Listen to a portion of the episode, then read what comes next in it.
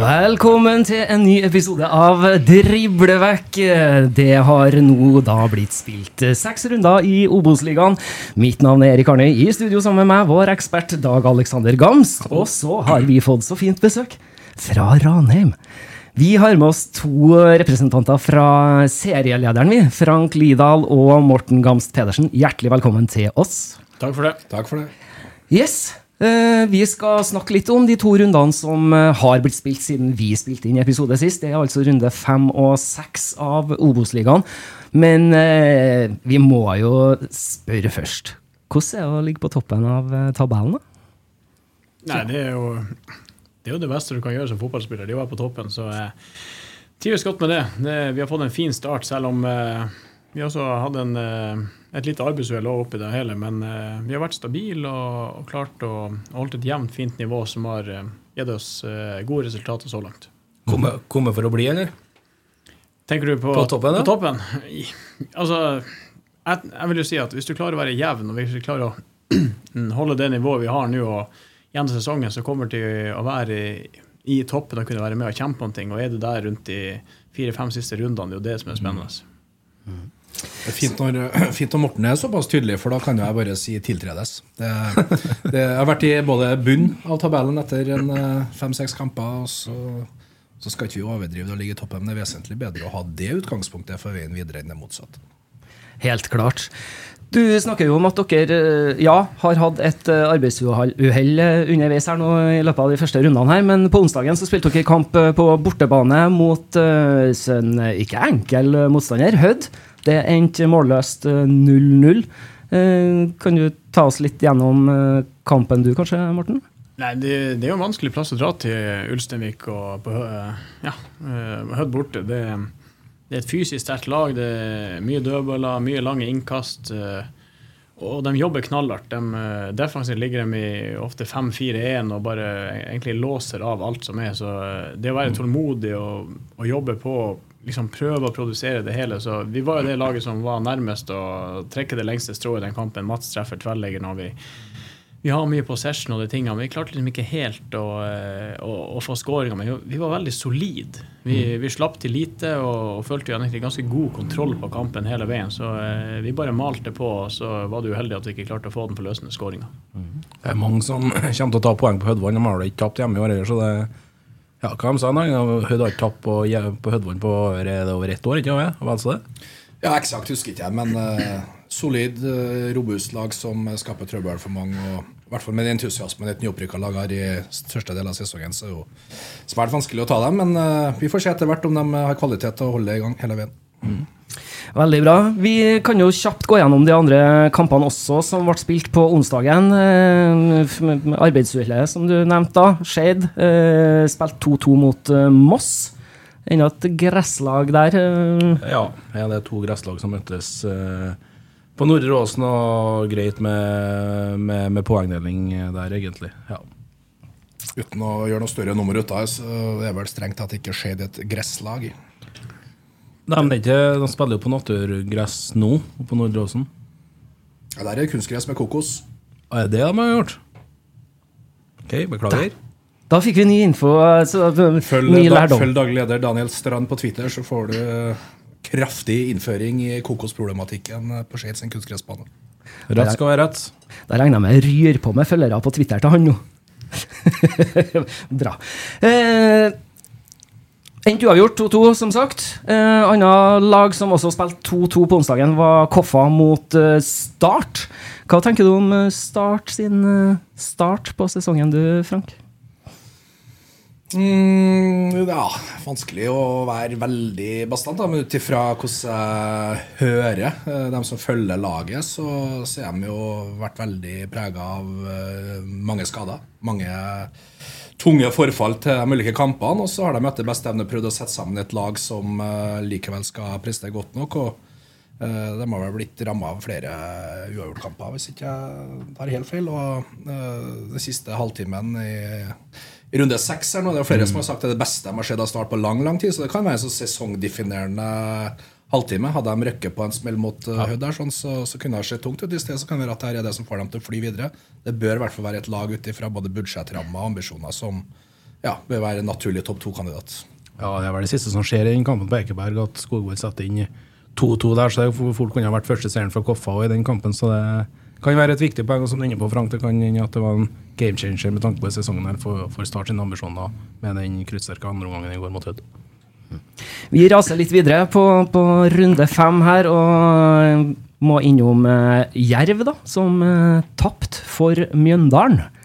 De eh, har ikke hatt noe sånn kjempestart på sesongen, eh, Jerv heller, som er antatt eh, opprykkskandidat.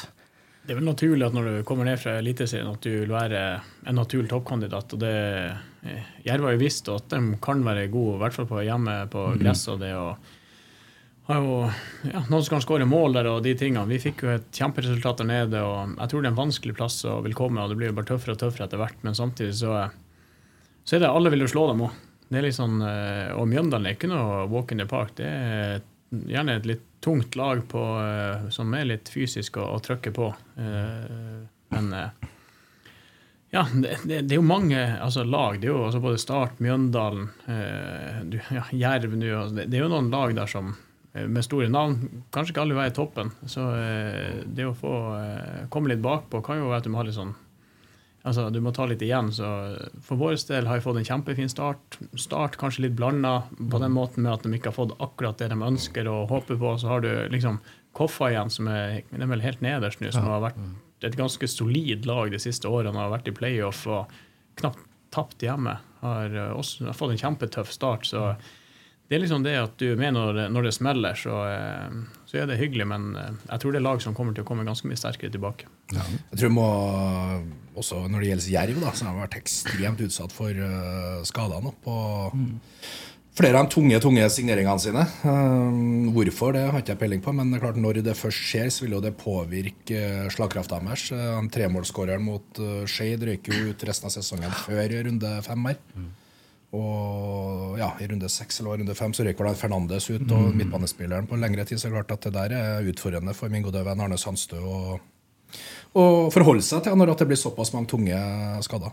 Hvor mye tror du det betyr for dem å ha såpass eh, bra med økonomi i ryggen? da? De har jo en god sponsor uh, nede i Grimstad der. Fotballøkonomi er, består av mange forskjellige ting, så hvor god økonomi de har, det, det, jo, det handler jo i så fall om mer enn én samarbeidspartner. Eh, Men eh, han Ugla han står sterkt med dem, han. men at Jerv er noe sånn supermye større klubbøkonomisk enn flere av de andre klubbene, det, det er de jo ikke. Leder jo 2-1 mot Mjøndalen eh, hjemme og taper til slutt eh, 3-2, da, som ble den første seieren for Mjøndalen denne sesongen òg. Så det, ja, det er i hvert fall et kruttsterkt resultat fra Nichols sitt mannskap i Grimstad. Det er ikke noe tvil om. Vi Beveger oss videre til Sandnes Ulf, som tok imot Kongsvinger. Der ble det poeng på bortebane for Kongsvinger. De eh, tok med seg den med et 1-2-resultat. Hva kan vi si om Kongsvinger eh, sin, sin start på sesongen, tenker du? Jeg må, jeg må si først og fremst var det jo lite mål til å være på Sandnes I fjor så var det jo noen helt sinnssyke resultater nede med mål. Jeg var med i den ene kampen sjøl der. og uh, det, er, det er en vanskelig plass å dra, tror jeg. Så det er jo, jo sterkt av Kongsvinger å, dra med seg seieren. Hvordan Kongsvinger er, jeg vet ikke. Jeg, sånn jeg, Store forventninger. Ja, store forventninger, men det er liksom, er forventningene større enn det de kanskje har mulighet til å gjøre. Det, ja, De har fått ny trener, de har økonomi og alt de tingene. at de har, I andre divisjon så hadde de et budsjett som var helt ellevilt i forhold til resten av dem som var der. og klart Det er store forhåpninger. Det er en klubb med tradisjon. altså Om det tar steget hele veien i år, det vet jeg ikke. Men eh, at den vil være altså Det er så tett i midten der og opp til de kvalikplassene, så altså, det, det er nesten vanskelig å kunne spå noe. Men det vil være kanskje på en, Får de en skikkelig god sesong, kvalik. Hvis ikke så vil den kanskje være midt på treet, rett under der. Litt, eh, jeg skal dem litt mer enn deg, Morten. eh, Så får vi se hvem som får rett til slutt. da. Jeg snakker jo ganske mye med min gode venn Espen Nystuen, som er daglig leder der. Eh, Må ta utgangspunkt i hva han sjøl sier. da. De har i hvert fall knallharde ambisjoner om å gå rett opp.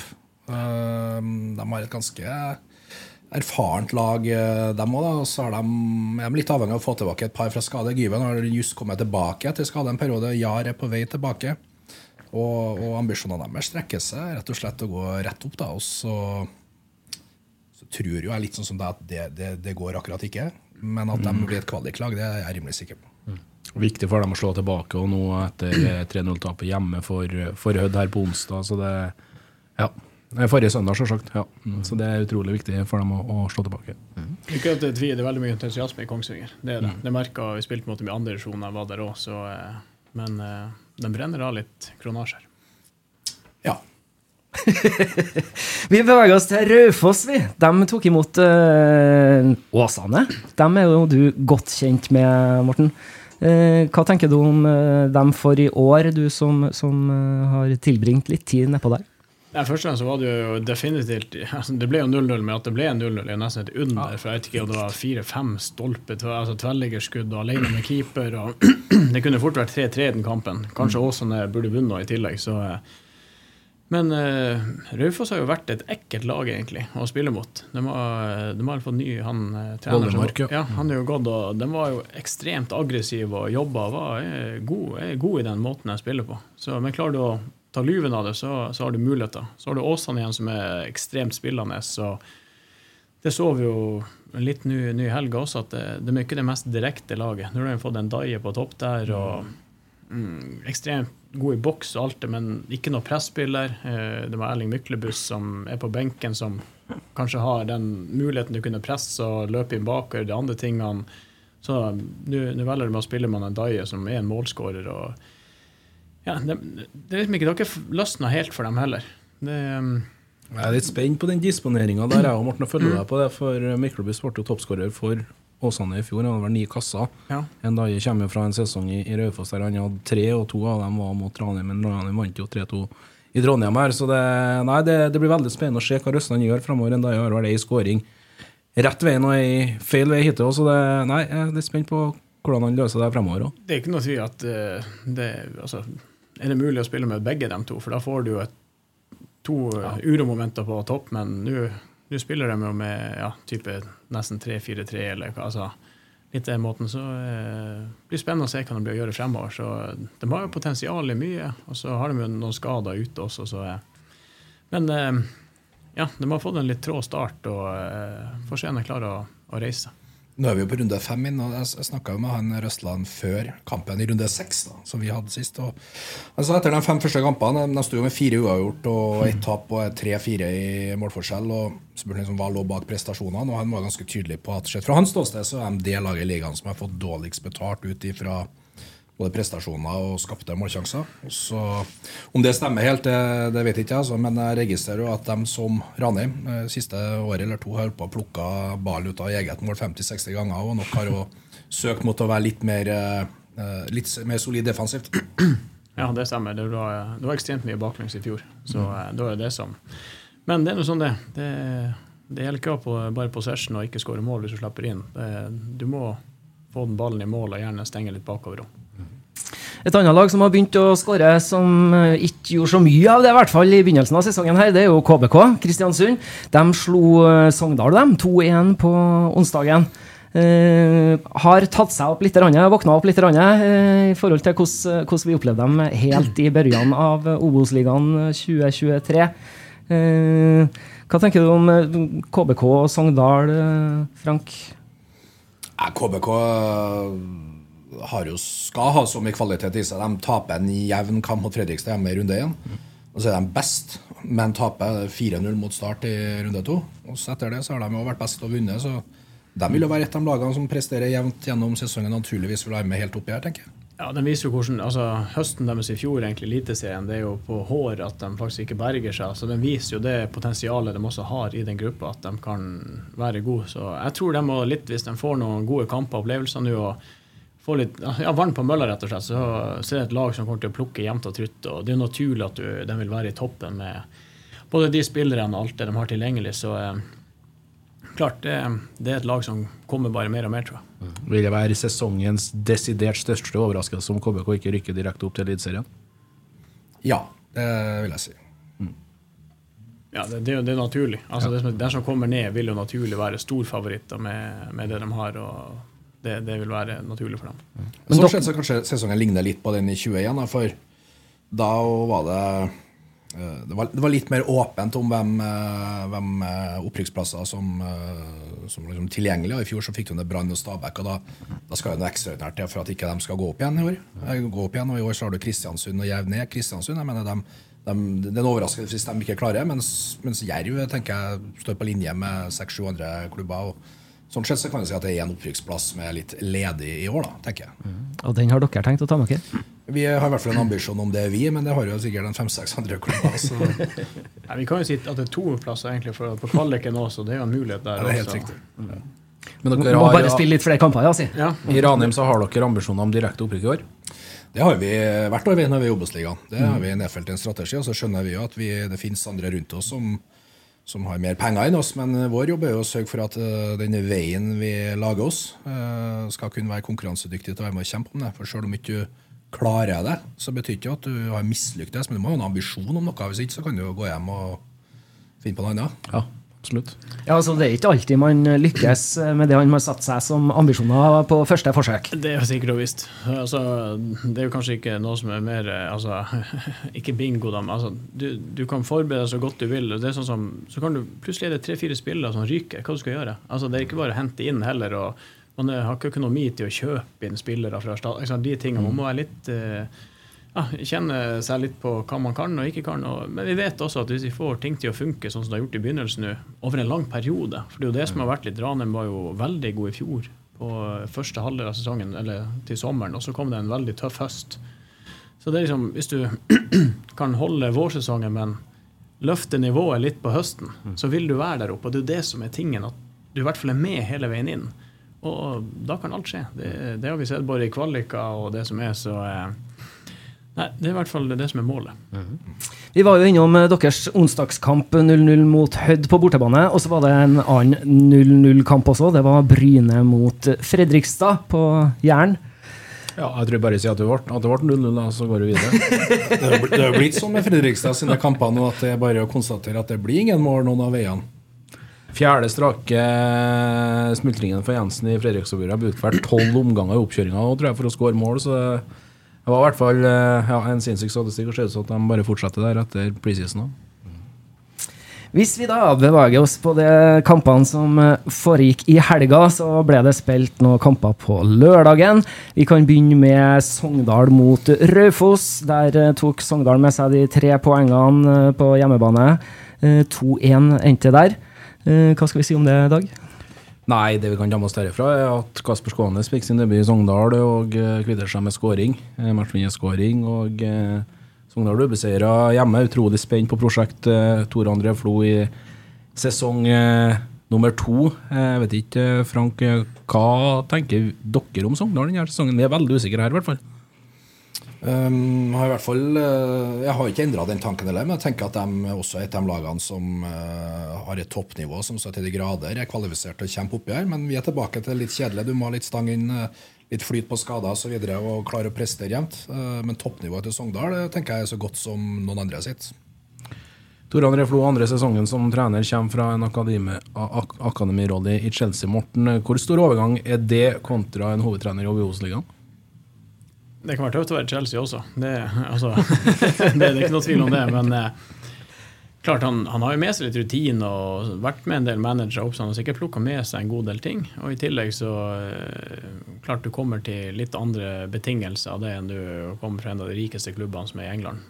Men eh, den andre måten er at å komme til, til Sogndal og spille altså Det er en av de tøffeste bortekampene å dra til. Det, det er en, ofte kanskje en litt hinkig reise, at du må vente hit og dit og, eh, og alt det, men eh, ja, det, det er vanskelig plass å dra. Så At Sogndal vinner hjemme, det, det er ikke noe sjokk.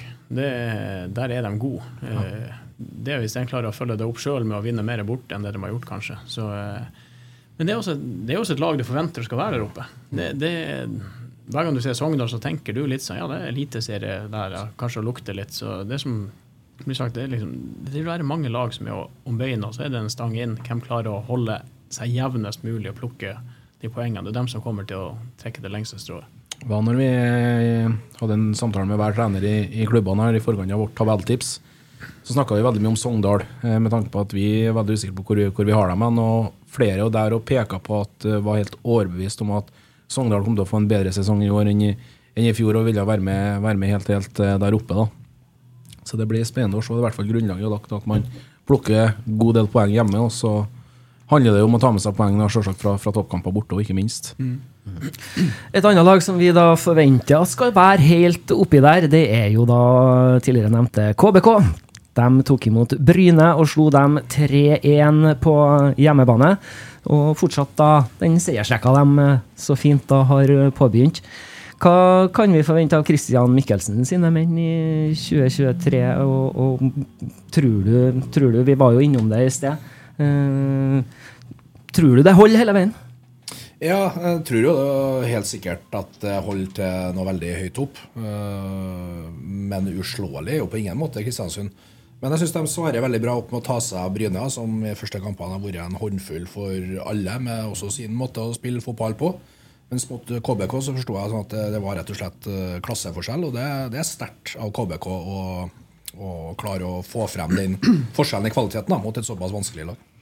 Ja, øh, forsterker det mener jeg. Frank fjerde strake seier nå. Virkelig begynt å få fart på mølla. Kartum, Benjamin Stokke begynner å skåre mål. Eh, Mikkel Konradsen sier det har fått litt tillit i siste nå i, i skadefraværet til Hopmark inne igjen nå sist, men eh, inn på midten i, i, i Kristiansund, hvor, hvor langt eh, kan han nå?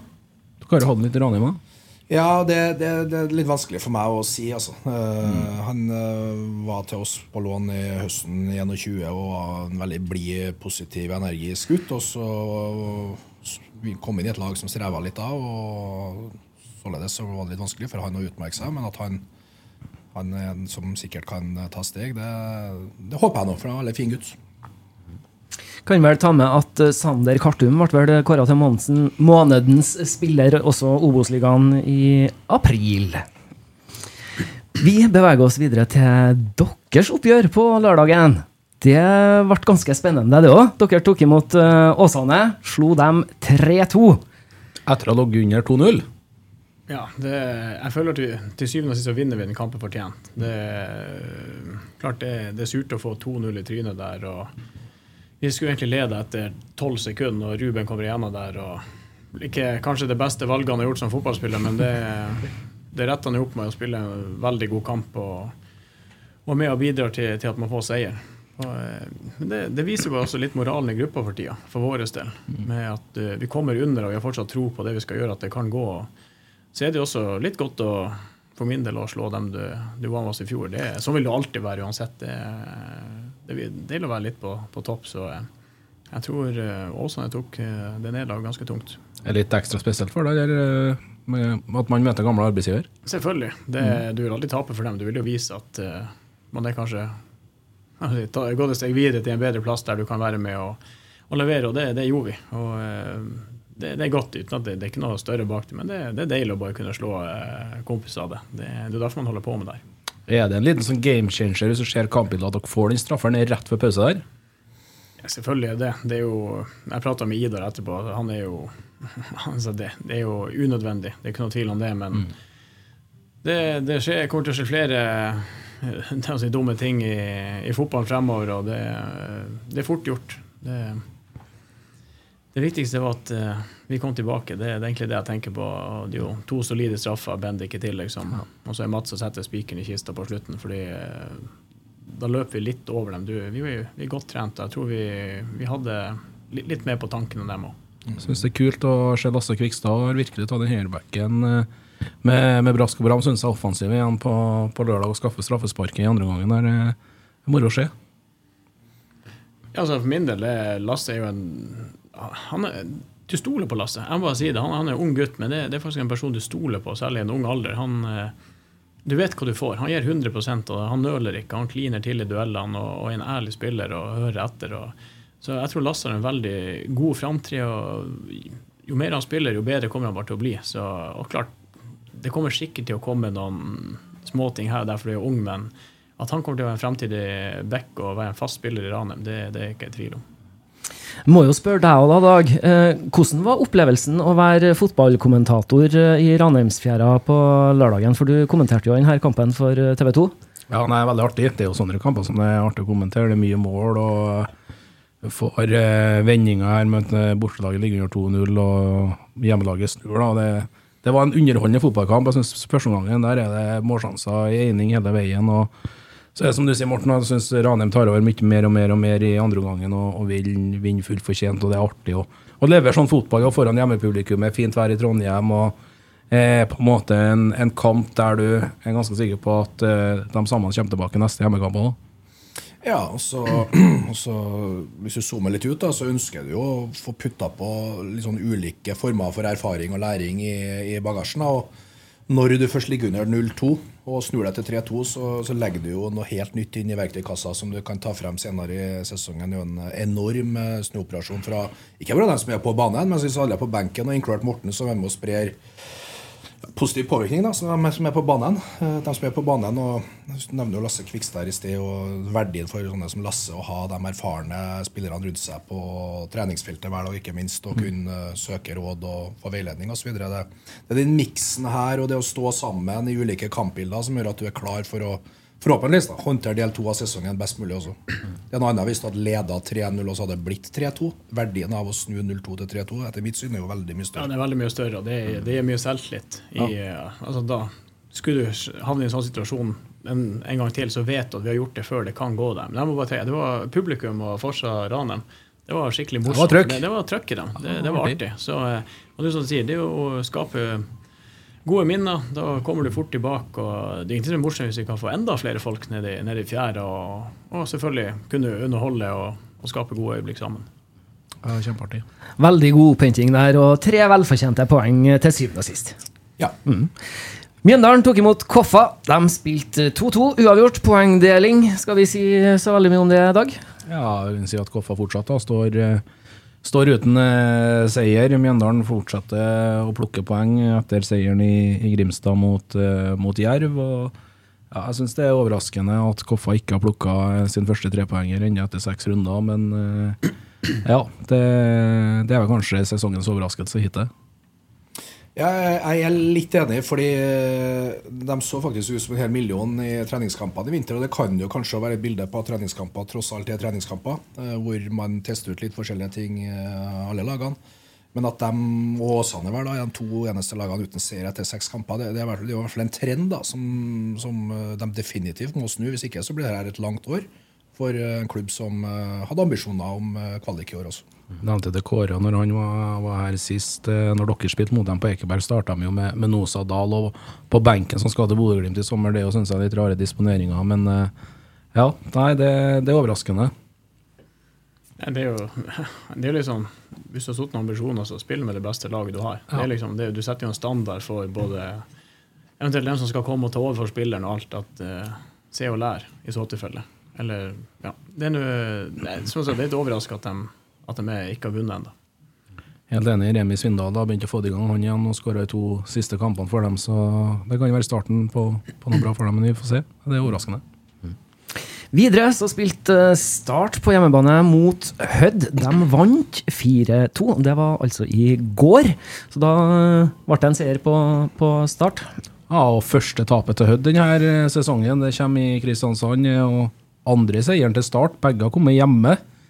Eh, var inne på det inne i sted her, Frank, men eh, ja, det, jeg tror nok de kunne tenke seg en atskillig bedre sesongstart i, i Kristiansand. Men eh, det kan hende at det her er litt sånn e, endepunktet med den sterke andreomgangen de leverte i, i Kristiansand i går. For det, de har vel ikke vært så gode på en omgang på, på mange mange år siden. her.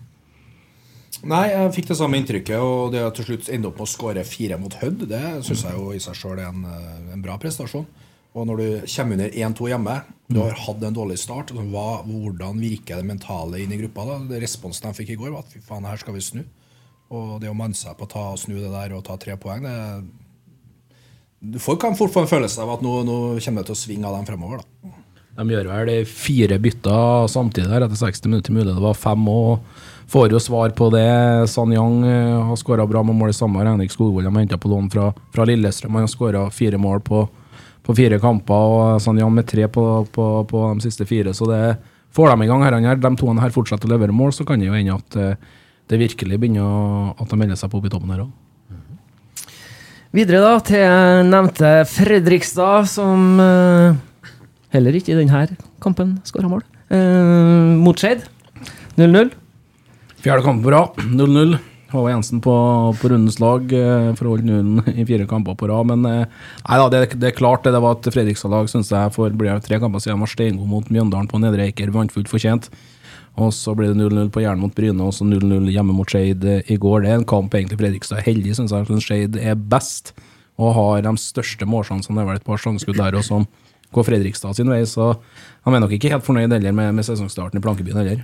Hva tenker du, Morten, om Fredrikstad? De, de er jo en antatt sterk kandidat i Obos-ligaen 2023, men eh, har ikke hatt den sterkeste starten? Nei, det er jo For det første er det jo en vanvittig fotballby. Det er jo det, det åndes jo og pustes fotball der. Det, så at det er engasjement i Fredrikstad, det er det ikke noe tvil om. Så det er jo det å klare å få kanskje snudd den nulltrenden til å kanskje vinne 1-0, altså det er sinnssyk forskjell å få de tre mm. poengene der. fordi jeg tipper når de ser på terminlista, når Skeid kommer, så har de jeg tror de har en liten trepoenger i, i ermet der de tror de skal hente. Og når du ikke får de heller, så så er det tungt. og Klart, du, du holder null, men du skårer jo ikke mål. Det er jo det, det, er det som er tinn. Så Du må liksom litt opp i ringene fremover der, og kanskje du må ta litt mer risiko for å klare å, å bikke de, de, små marginene med. Men eh, at eh, Fredrikstad skulle være oppe, er også blant de lagene. så Det er jo en, en klubb som satser, som har eh, skal snakke om økonomi. Jeg tror de har, eh, har noen onkler i bakgrunnen der som har litt eh, litt penger på visakortet hvis det skulle komme opp i en situasjon der den trenger noe, men du må jo først komme dit. Så, men uh, ja. At Fredrikstad kan komme tilbake, det, det kan fort skje òg. Ja, tror du det snakkes på kontorene i Fredrikstad, Frank, om om opprykk? Om, ja, eller om tiltak? Jeg tror de har is i magen. Du skal også vite bakgrunn, litt av bakgrunnen. Fredrikstad, og som oss, har plukka ballen veldig mye ut av eget nett de siste årene. Og valgte òg en bevisst linje med at i år så må vi liksom klare å finne en balanse mellom å forsvare oss og angripe. Og gjort en treneransettelse og har så langt bygd det bakfra. Uh, I går så var det første gangen det sprakk opp litt for dem å se da den tre-fire feite måltilbud og burde vunnet. Uh, med det sagt da, så har jo Fredrikstad ja, kvalitetene i laget til å som Morten er innom, å ta, ta litt sånn større risiko. Men trenden så langt har vært etter mitt syn at det har vært en mer defensiv tilnærming fra veldig mange lag i starten av en sesong enn tidligere, hvor man kanskje har ja, tidligere sesonger har flere lag ønska å prøve seg med det de egentlig vil, helt til de er nødt til å gjøre korrigeringer. Da var det mer defensiv inngang til kampene i vår Obos-liga. Brent litt mer krutt i begynnelsen for, kanskje for å få ja, mm. Kanskje få litt gevinst, men, eh, og kanskje ikke fått det. Da blir man jo litt mer sånn what if. Mm. Med det sagt, Fredrikstad har en klokkeklar eh, opprykksambisjon i år. Og, og, og, med den riggen de har både på, på kontoret og, og, på banen, sagt, så, så, bør de jo ha en ambisjon òg. Og at de har et av ligaens uh, to-tre høyeste budsjetter, og det er det heller ikke noe tvil om. Mm. Lyst til å gi Skeid litt eh, skryt samtidig vi, vi er inne på kampen. De traff jo dere nå helt vanvittig. Hva, hva som skjer i det arbeidsvilje her som vi er inne på innledningsvis, Morten? Det er jo vi var kanskje litt for høye og mørke. Altså, vi, vi, vi, skulle stå opp høyt og presse hele tida. Altså, vi, vi, vi, har troa på oss sjøl og vi har respekt for motstanderen, men vi ble kanskje litt for hissige der. Og så skal jeg ærlig at Skeid traff noe vanvittig. Den tredje skåringa deres er jo, det er jo Real Madrid i kontringsfasen. Altså, ja, det, det sånn, altså, du, du, står nesten og applauderer når du ser hva som har skjedd. Men samtidig så vet du at Skeid har et helt vanvittig toppnivå. Men så de kampene i fjor da du så der det ikke funka for dem, så er bunnivået så Det er kanskje det laget med størst spekter i, i serien, tror jeg. Med når de treffer og når de bommer. Så, men all ære til det de holder på med der. For Skeide de, de, jobber knallbra med unge spillere og, og slipper til. Og, så eh, ja, jeg syns det er artig å følge med Skeid. Jeg håper virkelig han lykkes. Ja, men... Jeg vil forsterke den der og, og gi anerkjennelse til, mm. til, naturligvis til hele klubben og til trenerteamet. Gard Holmé og Jonas, Johan Jønes Nilsen, som tør å mm. ha et eget uttrykk som de uh, søker etter å utvikle, som handler i stor grad om eget spill. Mm. Uh, og det, det, er ikke alle som har. Uh, og i hvert fall Hvis du i utgangspunktet er en liten klubb som er tippa langt ned, så er det lettere å ha en mye mer defensiv tilnærming. Men Skeid ønsker å få til noe. Det kan sikkert for at de går på noen smeller, men, eh, men, eh, de kommer til å utvikle seg, og de, de, kommer ikke til å gå ned. Det er jeg rimelig sikker på. Har ikke tapt noe siden 22. Eh, april i bortetapet mot Jerv, der, så se om Pino fortsatt peker rett, rett vei. Mm -hmm. Ei anna pil som peker rett vei, det er Kongsvingers. Selv om de røyk på med utvisning og da i går, så vant de da 2-1 over Jerv. Hva kan vi si om, om den kampen? Jeg snakka med Nystuen i dag tidlig. Da når han tok telefonen, så bare plystra han. ja, nydelig. Så øh, Han kunne jo bare kort si at de det klart øh, beste laget. Og så sa han jo men Jerv hadde jo mange forfall osv., men, men det, det vet vi jo at Jerv har om dagen. Men Kongsvinger var klart best og vant. Så da, da er jo det greit. Og så er det jo sånne type kamper når Kongsvinger har de ambisjonene de har, det at da må de vinne de kampene. Når du, og nå når det er, Jerv kanskje er litt skadeskutt, så er det jo enda viktigere å kunne kalle det fordelen av at de kanskje ikke kan stille det sterkeste laget. Så eh, det var en viktig seier. Ja, det var det, og var inne på det tredje strake tapet for Jerv. De får besøk av Fredrikstad. Neste runde så blir det tap der også, og kan jo spørsmålstegnene begynne å stille seg i Grimstad òg. Hva er oddsen for 0-0? Over 1,50? Nei. Jeg tror ikke det blir stilt noe spørsmål i Grimstad. Altså. Som sagt, vi, vi må se litt bak her. Og de, de har vært kanskje det mest skaderamma laget jeg har hørt om i Obos-ligaen de siste årene. Og det kan verken en trener eller noen andre gjøre noe med sånn. Sånn utgangspunktet. Så Arne Sandstø han eh, har en meget sterk posisjon der, og naturligvis vil ikke komme noen spørsmål der. Vi skal derimot stille noen spørsmål neste mandag. Men eh, det, det, det blir av en litt annen karakter. Moss tok imot eh, Sandnes Ulf og slo dem 1-0 i går. Thomas Myhre leder laget sitt til seier. Ja, sterkt, syns jeg. Eh, mange har pekt på det før sesongen, og det har de helt rett i. At det blir, det blir vanskelig å komme til, til Meløs. Og det er der de eh, plukker poengene sine. Sebastian Pedersen som eh, matchvinner eh, i går. Og Thomas Myhre virker virkelig å ha fått fatt på det. Det er jo laget som har det minste budsjettet i Obos-ligaen. Og nei, eh, jeg tror Moss skal være fornøyd med, med sesongstarten eh, sin. og hvor viktig er det for sånne nyopprykka lag å plukke bra med poeng i starten over 30 kamper? Jeg må si, først fra, fra Thomas Myhre tok over Moss i andre divisjon, så fikk han jo veldig struktur på laget. Det er jo en av grunnene til at han rykka opp også, at han, han tok, tok, noen grep og, og noen valg der at de, ja, de tapte lite kamper og, og, rykker opp. Og det ser ut som de har klart å, å vedvare og tatt med seg den selvtilliten de hadde fra i fjor. Og så er det jo gress. Det, det er noe annet å spille på gress enn å spille på kunstgress, og det er kanskje en liten fordel de vil ha hjemme. Og det må de bruke til alt den er verdt. Selv om det er et lite budsjett, så må man bare ty til de, de tingene som er der. Men det er også en vanskelig plass på, på Meløs å dra. Ja, så jeg snakka med flere som har vært involvert i kamper mot dem, og de er rett og slett blåst av banen av den enorme fysikken og løpskrafta Moss eh, legger for dagen. Og hvordan de klarer å gjøre det elleve mann samtidig gjennom 90 minutter. Da. Det, det kommer jo ikke av seg sjøl, det heller. Nei, Jeg satsa på Obos-kart ingen tvil. De slo Jerv og hjemme for en liten uke siden. Kjempeprestasjon.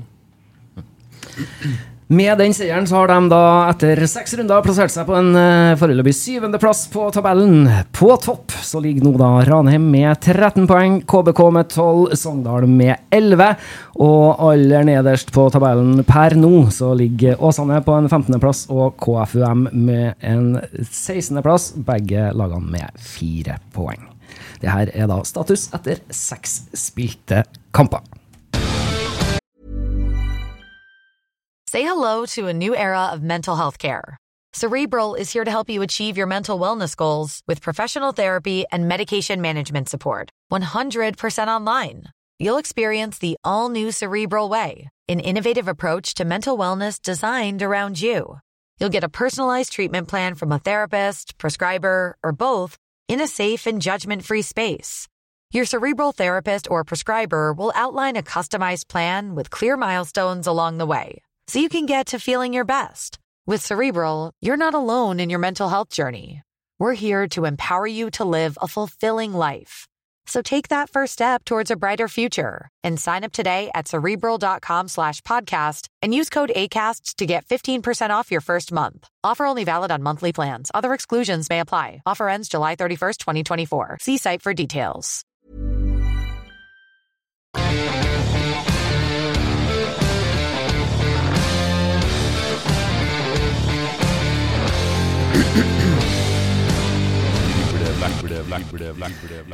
Yes! Morten Gams Pedersen. Ja, Herlig å ha deg tilbake i Trondheim, altså. takk for det. takk for det, det er Eh, vi er jo litt sånn nysgjerrige på hvordan eh, tida di i Åsane var, og hvordan veien tilbake til Trondheim og Ranheim eh, var for deg nå. Nei, det var jo, jeg var i Åsane i fjor. Det var jo, eh, det var jo tøft år for Åsane. Det, det, det fengte vel ikke akkurat sånn som de hadde håpa på sjøl, og, og, de tingene. og ja, man, eh, man, valgte kanskje å stå med det samme laget veldig mye og håpe at ting skulle snu. snu. Det ble ikke det som vi bytta av de tingene, men eh, ja, det, det, var veldig lærerikt. Jeg lærte veldig mye. Det, de er ekstreme i possession-fotballen og hvordan de holder på. Og, der føler jeg tok, tok mange steg. Så hadde man kanskje klart å mikse det litt opp med og holdt nullen litt med, for de slapp inn litt for mye mål i fjor, dessverre. Mm. Og det var et lærerikt år på, på, mange områder. Og ja, mange nye venner i fotballen. Det er jo en av de privilegiene man har med å møte mye nye folk. og det skal man ikke stikke under stol at det er noe man verdsetter mye også. Mm. Nei, for det er jo ikke noe tvil. Du, du er jo ikke noe unggutt nå lenger. Er ikke du? Nei, så, det... så, på en måte, hva, hva, er det som vektes mest for deg på en måte når du tar de valgene om, om ja, først å gå til Åsane, nå til Ranheim? da? Det må jo være noe som trigger det. Det og spenning. Altså, jeg, jeg, elsker fotball. Det er ikke økonomi jeg kommer for, det tror jeg du kan bekrefte. Det, det, var ikke mye pushing på den kontrakten. Jeg fikk et tilbud, og det sa jeg ja til. Så, og, men det var litt sånn Jeg prater med veldig mange klubber, alt fra ja, det ja, fra, altså Folk fra fjerdedivisjon spør om jeg har lyst til men det var ikke interessant. eller noe, så, Men det var veldig mange andredivisjonsklubber, det var en del Obos-klubber, jeg pratet med noen eliteserieklubber. Eh, jeg var kanskje en litt kald fisk og satt lenge og venta og hadde lyst på noe som kanskje ja, trigga litt ekstra. Mm. Og, og, når Kåre ringte, så sa jeg egentlig bare til dama at nei, nå det, det, her er det jeg har lyst til. Og så kjenner man jo Kåre fra før, og man kjenner Ranim og det og ja, hva det står for. Så eh, jeg gleder meg. Det holdt jo på å havne her for to år siden nå. Så eh, det skjedde dessverre ikke da, men nå er her og håper at man kan være med og bidra om, om, så ikke mer denne gangen, med at man, man, lykkes med det man har lyst til å gjøre. Mm. Hvor viktig var det det året du har lagt bak deg i Åsane, og det samarbeidet du da har hatt med Kåre Ingebrigtsen der? Hvor avgjørende var det for, for valget ditt? Jeg tror det kan kanskje ja, eh, han svare litt på, men det er jo litt Kåre vet hvem jeg er. Han hadde meg i Rosenborg, han hadde meg i Åsen. Jeg tror han vet hva jeg står for, han vet hva han får. Det eh, man har plusser og minuser med at man blir eldre. Det vil det alltid være. Eh, men jeg tror eh, jeg kan være med og bidra på mange områder som kanskje ikke Ranheim også har, egentlig. Med, med, noen ting. Men selvfølgelig det å være og bidra til at ja, gruppa med litt rutine mot de unge, som jeg syns er veldig spennende og artig å jobbe med. Sitte ved siden av Dennis og Lasse og Brage i garderoben. og liksom det å komme litt under huden på dem og få pusha dem litt, og sånne ting syns jeg er veldig morsomt. Mm. Så eh, jeg håper det kan bli en bra match. Jeg føler det har fungert bra så langt. Vi har jo over mange år i Ranheim et sånn sterkt prinsipp om uh, altså, at vi har en gruppe mesterlærere. Uh, og det som Nils Arne sa en gang i tida, at du, du, kan ikke lære bort noe du ikke kan. Så vi er avhengig av at mesterlærerne har rett standard og forhold til kvalitet. Og når du ser eh, som øynene og kroppsspråket og alt til Morten, så han, han er jo deg. Eh, tenk deg, eh, i tillegg da, til å kunne være en som spiller viktige minutter og mm. bidrar ut på banen der, tenk deg hvilken, hvilken, mulighet som ligger der for alle yngre spillere til å, til å få veiledning og råd fra en spiller som han. Og I går i toppkampen i fjerdedivisjon, jeg bare stod og kikka litt gjennom vinduet fra, fra kontoret. og bare ser det er 22 spillere ute her, og 21 stykker står bortimot mer og studerer Morten min og, og nær sagt gjør, gjør noe annet. Og Det sier noe om hvilken posisjon han har og hvilken påvirkning han, har, han kan ha overfor uh, menneskene rundt seg. Ja, for Hva betyr det for alle ungguttene i, i klubben da, å ha et sånt forbilde og læremester å se opp til? Jeg vet ikke om det kan ja, Det er jo litt jeg sier, da. Altså, det handler om eh, så Mesterlærerne må ha rett standard for kvalitet. Hvis de, Mats Reginiussen, når han går på tredemølla 3.1, så er han best. Da vet de andre hva de må strekke seg etter. Eh, sånn vil det være på treningsfeltet hver dag. at Mesterlærerne setter standard, og når Morten kommer inn, så er han en av dem. Og han tilfører noe nytt, for han har masse impulser fra andre klubber enn Ranheim, men vi er tilbake til den evnen til å sette standard og også kunne påvirke dem rundt seg positivt. Det kan være en oppsummering. Litt om eh, kulissene på, på kontoret i Fjæra, da, Frank, før, eh, før, dere ringer Morten. Kan du fortelle litt om samtalene du og Kåre har før dere ringer Gamsen? Der eh, det er ikke jeg involvert på noen som helst måte. Der jobber det sportslige teamet med, og så, og så kalibrerer vi litt underveis. Men det er ikke noe tvil om at uh, i en sånn saga så, så, så, så, er kjemi viktig. For uh, til slutt så må en hovedtrener også ha trua på uh, enhver spiller man signerer. Og, og, og, således så betyr det naturligvis noe at Kåre har jobba med, med, Morten over lang tid òg. For i motsatt fall, da, hvis du henter inn en erfaren spiller i en garderobe, og det ikke f.eks. er avklart om hvorvidt du er et utprega førstevalg eller ikke, så, så, kan det ha motsatt effekt. Da, da kan den garderoben uh, være med på å forvitre. Men i, i dette tilfellet så, så, får du inn en som kan bidra både på og utenfor banen, og som uh, har en grunnleggende positiv tilnærming til å bli en del av Ranheim 2023. Da er det vinn-vinn 100 i mitt hode. Frank snakker jo litt om læremesterne her. Morten, du er jo definitivt med der sammen med Mats Reg, Erik Tønne. Tenker litt på det taktiske inn mot kamper, under kamper. Er dere med litt eh, under der sammen med sportsleder?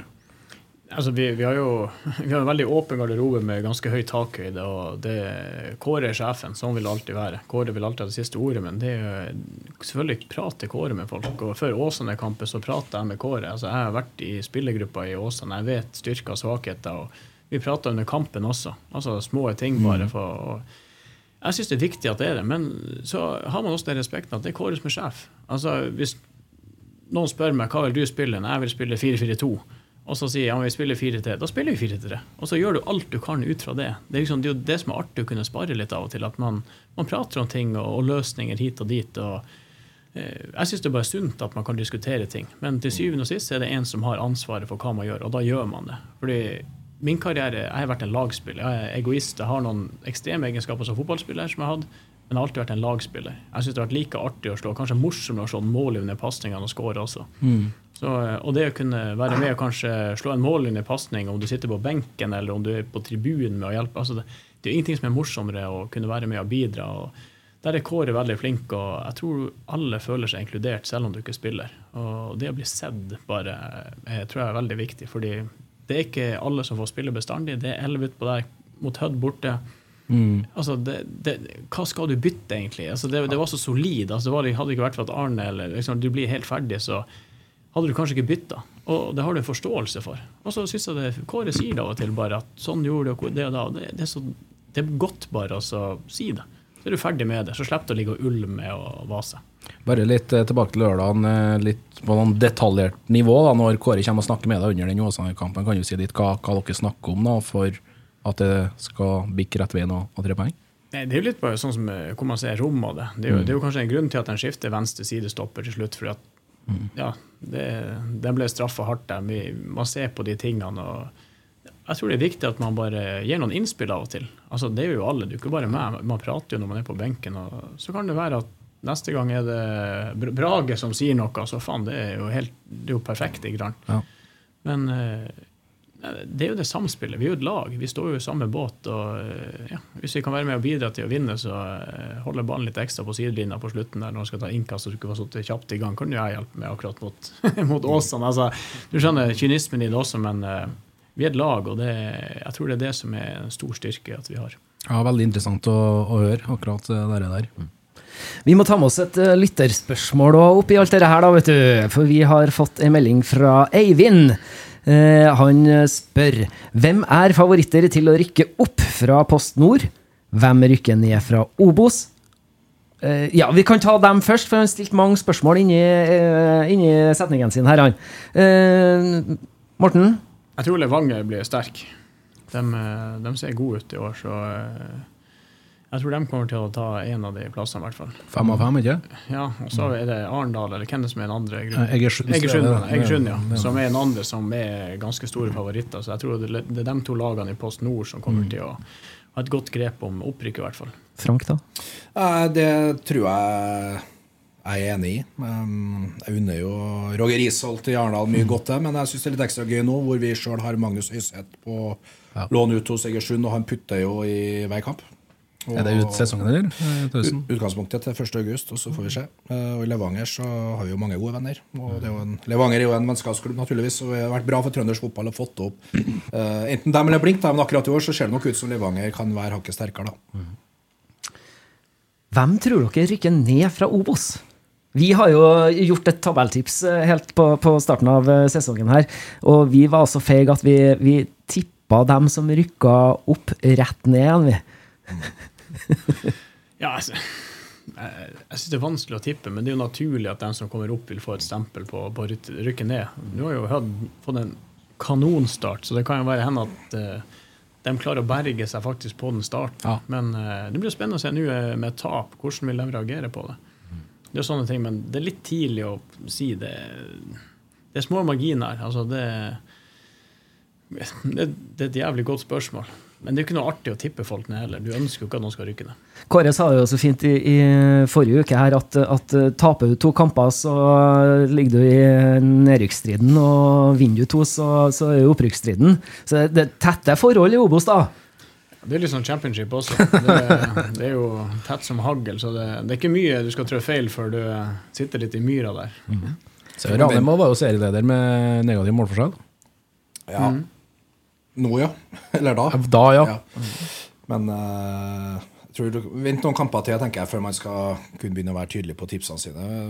vil jo trenden vise da, fordi at det er, ikke, det er ikke noe farlig å tape en kamp eller to eller tre, men da må du kontre med trepoengere. For det er de mm. uavgjortene som er døden. Og Så langt er det to lag som ikke har vunnet. Mm. Og Hvis de ikke klarer å bikke noen trepoengere fire neste kamper, så tror jeg de kan få det tøft. Og Det er tungt når du kommer inn i en stime der du ikke får de trepoengene. Altså, det, det, det, gjør noe mentalt. Så eh, å snu, å snu trenden, det er viktig. Mm. Han Øyvind eh, spør videre hva skal gjøres i Ranheim for å unngå en dårlig høst? Historisk sett, historisk sett dårligere høst enn vårlag. Det vi pratet jo litt om i sted også. Det, I fjor var det også en fantastisk start og første halvdel. det er jo det å Når man har den, det, den, pausen i sommer, at man legger et godt grunnlag. Jeg tror det er viktig at man får hvilt mentalt også. Det er det er godt å komme litt bort fra hverandre også. Selv om man er glad i guttene. og alt, Det er godt å komme seg litt bort. Og så må man ikke glemme at man skal inn i en ganske tøff høst nå, der det, det kommer til å smelle. For det, dem som ligger i bunnen, kommer til å kjempe med nebb og klør for å ta poeng. Det blir ingen enkle kamper. Og motsatt enn den som er oppe i toppen, de er livredde for å tape for at de skal miste kanskje muligheten til å være med og slåss om noe. Så høsten er jo som regel en, en tøffere periode. Så eh, jeg tror vi skal ta og uh, få oss en ferie og håpe at vi fortsatt uh, henger med i toppen. Og så skal vi trene godt og være litt kynisk. Tørre å være litt kynisk i høst og, og ta uh, Er det en dritkamp og kan vi få med tre poeng om det blir litt sånn, så må vi tørre det av og til også. Mm. Men samtidig så må vi holde oss skadefri. Det tror jeg er det viktigste. fordi hvis man får for mye rusk og sånn, så er man sårbar. Ja, helt enig. Og så syns jeg vi forsømte noe eh, i mai og juni i fjor. Men vi så det ikke da. Men du får det litt senere. Og det, det går litt på sånne ting med å eh, fortsatt være ordentlig god hver dag med det kulturelle. Altså, ikke glem de tingene som du har gjort til noe veldig viktig i perioden eh, januar til februar. Og det handler ikke minst om mellommenneskelige forhold. og det å se alle sammen eh, i denne perioden hvor det er tettkampprogram osv. Så så sånn at du går inn etter ferien med en 100% samla tropp som vil det samme fortsatt. Veldig bra. Det blir spennende å se eh, hvordan det utvikler seg utover uh, sesongen. Her. Han Øyvind hadde et siste spørsmål, og det er som følger. Hvordan jobber Ranheim opp mot sine sponsorer og fremtidige sponsorer? Eh, først og fremst er det et veldig godt spørsmål, og så får jeg egentlig et langt svar. Eh, ja. Men kortsvaret får bli at eh, vi søker jo mot å være en, en relevant aktør som komplementerer de andre sponsorobjektene i trøndersk idrett. Vi er sterk trønderidentitet, vi er utfordrere, vi er opptatt av å realisere drømmer, utvikle den neste toppfotballspilleren osv. osv. Og så handler det om å finne bedrifter som ønsker å assosiere seg med det. Og så når vi har kommet på lag, så må vi jo vite hvorfor er vi på lag, og da er bl.a. å ja, jobbe med å utvikle partnerskapet gjennom at det skal være forretningsmessige verdier og gode aktiveringer der de kan få treffe både potensielle kunder i privatmarked bedriftsmarked. Det er sammensatt. Men det er veldig interessant og veldig morsomt arbeid. Eh, og vi brenner for det. Vi tar ingenting for gitt. Vi er nødt til å gjøre oss fortjent til hver eneste samarbeidspartner og får ingenting gratis. Og vi er veldig stolt over de 80 vi har på laget, og at vi også i fjor satt sponsorrekord og håper å matche det i løpet av året. Tenker litt på konkurransen på sponsormarkedet her i Trøndelag. Frank Kolstad har jo ambisjoner på, på håndballsida. Nå merker dere det? Eh, det? Svaret på det er nei. Eh, og det tror ikke jeg er så rart, fordi du vet, det handler igjen om posisjonering. Altså, vi, mm. vi, er, vi er i én ende av skalaen med det vi ønsker å få til. Og så er det noen andre klubber i håndball og fotball som sier de skal til Champions League. Og Det er litt i andre enden av skalaen. Ja. Så jeg tror vi er mer komplementære, og jeg mener alltid at det er plass til eh, veldig mange i trøndersk idrett innimot inn mot næringslivet. Men da må du sørge for å ha en tydelig identitet. Enten du er håndball, fotball eller hockey. Og så, så må du jobbe ut ifra det og ikke skylde på at nei, alle pengene går dit eller dit. Det har vi aldri gjort, og derfor så mener jeg også at vi har lyktes brukbart. Det slår jo meg at eh, Ranheim har en ganske tydelig identitet. Og masse fine folk ute i fjæra. Vi må innom en av dem. Deres kjære spiker Terje Walter. Ja, Har han, eh, Morten blitt innført i Ranheims sangkatalog? Nei, jeg vil ikke bli innført i den enda, eh, men jeg har fått eh, bok, historien om Ranheim og det, så det er jo en start. Så får vi se eh, om jeg blir innført i Men er det opp på Hotell Hønix eh, man blir innført i det etter seire, eller hvordan ligger det an på Ranheim, dere? Jeg tror vi må ha, Det har- blitt såpass stor utskiftning siste årene i, i spillergruppa og trenerteamet til Ranheim at vi nok må på et sånn kulturell visitt eh, i hønse-kalkunfarmen til Terje Walter. Og ikke minst en tur oppom eh, baren hans. og Det var en, en meget velutvikla countrybar oppe i andre etasjen. Så vil jeg jo si det da, at alle de litt rare sangene til en Terje, som, som en har et veldig sånn selvironisk forhold til, det velger vi nå å eh, gi ut på vinyl. Ikke på CD eller Spotify, men de skal ut på vinyl. Så de er ferdigprodusert og ligger nå i det, trykkekø. Og fredag 1.9. så er det release-party av vinylplater på Kafé Trebbe. Helt fantastisk. Det er Det er jo helt nydelig. Jeg fikk forresten en snap skjønner du, fra en bergenser jeg kjenner av, eh, av øvinga på lørdagen. Der var det både øving og smaking. Ja. Så veldig hyggelig. Og det skal dere ha ute i Ranheim. Det virker som dere klarer å, å bygge veldig fine forhold rundt dere, og det skaper engasjement hos folket. Så, så eh, vel blåst med det, og, og godt jobba, vil jeg si. Takk, Takk for det. Morten, da. Fotballkarrieren blir så ung som 42 år i september. Har nå eh, for deg holdt på lenge med det her på toppnivå? Nei, Nå prater vi jo en ny avtale på fire år, så det er jo Bare fire? Ja, Gammel var roeren, han. Ja. Altså. jeg vet ikke. Slå han med et par år. Ja. Nei, jeg vet ikke. Det, det å spille er jo litt eh, Jeg er heldig og kanskje litt dyktig for at jeg enda kan spille, fordi man har brukt tallige timer på skadeforebygging og, og de tingene som At kroppen enda funker til et visst nivå. Og så er det jo elsken for fotball. Det, det å komme på trening. Det er enda første, en av de første som kommer. Jeg syns det er artig å stå igjen etter trening, og, også bare stå og se på. Klart jeg skjøt 100 skudd etter trening før, så nå er det kanskje 30. Så man må jo bruke hodet litt òg på de tingene. Men jeg, jeg, det, jeg gleder meg til trening. Eh, I dag eh, har vi hatt eh, ja, egen trening av det, og det, det er godt å dra og trene. Og så gleder jeg meg til trening i morgen tidlig igjen og møte guttene. Selvfølgelig er det ekstra deilig når du har vunnet og, og gjort de tingene, men eh, det er det, det som trigger meg. Og, eh, folk, det har ikke noe med økonomi, ingenting med det å gjøre. Da skulle jeg gjort ganske mange andre ting. Så eh, nei, jeg, jeg er glad i fotball, og det tror jeg de fleste vet rundt meg, og da må jeg kanskje bli litt lei det, men det er ikke så lenge igjen. Bare kanskje en tre-fire år. Hva gjør en Morten Gams Pedersen i Trondheim når han ikke er i Ranheimsfjæra og spiller fotball i trener fotball? Det, jeg syns det er jobb med nettverk, og selvfølgelig Man gjør jo litt utenfor fotball med investeringer og sånne ting, og være med å bidra eh, på det man kan. Eh, det kommer sikkert til å bli ting i klubben man skal være med å hjelpe og kunne bidra med. og i, I går var jeg med og spilte med B-laget. Spurte sjøl om jeg fikk lov å gjøre det. Og det syns jeg er utrolig artig. Det er morsomt å komme dit med de, med de unge spillerne og, og prate med dem. Eh, Istedenfor å kanskje være på mølla og løpe, så eh, dukka det opp en plass da jeg vet ikke jeg som ble syk, så jeg kunne spille. Og da sendte Are meldingtimer, og jeg stiller mer enn gjerne. Og det er sånne ting. Det, ja, det er trening, det er én ting, men så føler jeg også det er litt å kunne være med og, og bidra i et annet miljø, på en måte. Det er liksom dem som, eh, som kommer opp, og dem som er og trener litt med oss. Så eh, det er morsomt. Det er, det er en fin gjeng, den som står på der, og så den fortjener all ros de kan få. Så tror jeg Morten er, han er sånn godt kjent i, av blant folk i, i mange andre byer, men eh, den posisjonen og likinga du har i Trondheim, da, den, er veldig sterk. Og det er jo et kompliment til deg for hva du har gjort sist du var i Trondheim, naturligvis, med, i tillegg til alle andre plasser du har vært. Men jeg tror Trondheim er en veldig god match med Morten Gahns Pedersen. Et siste avslutningsspørsmål, eh, Morten. Eh, Jeg tror ikke jeg vet om noen i hele Norge som har solgt mer hårvoks enn du. Bruker du fortsatt Renati? Nei, nå har jeg ikke Renati i håret. Så eh, nå er jeg faktisk uh, Hva har jeg nå i håret? Må jeg tenke her. Hva har jeg fått?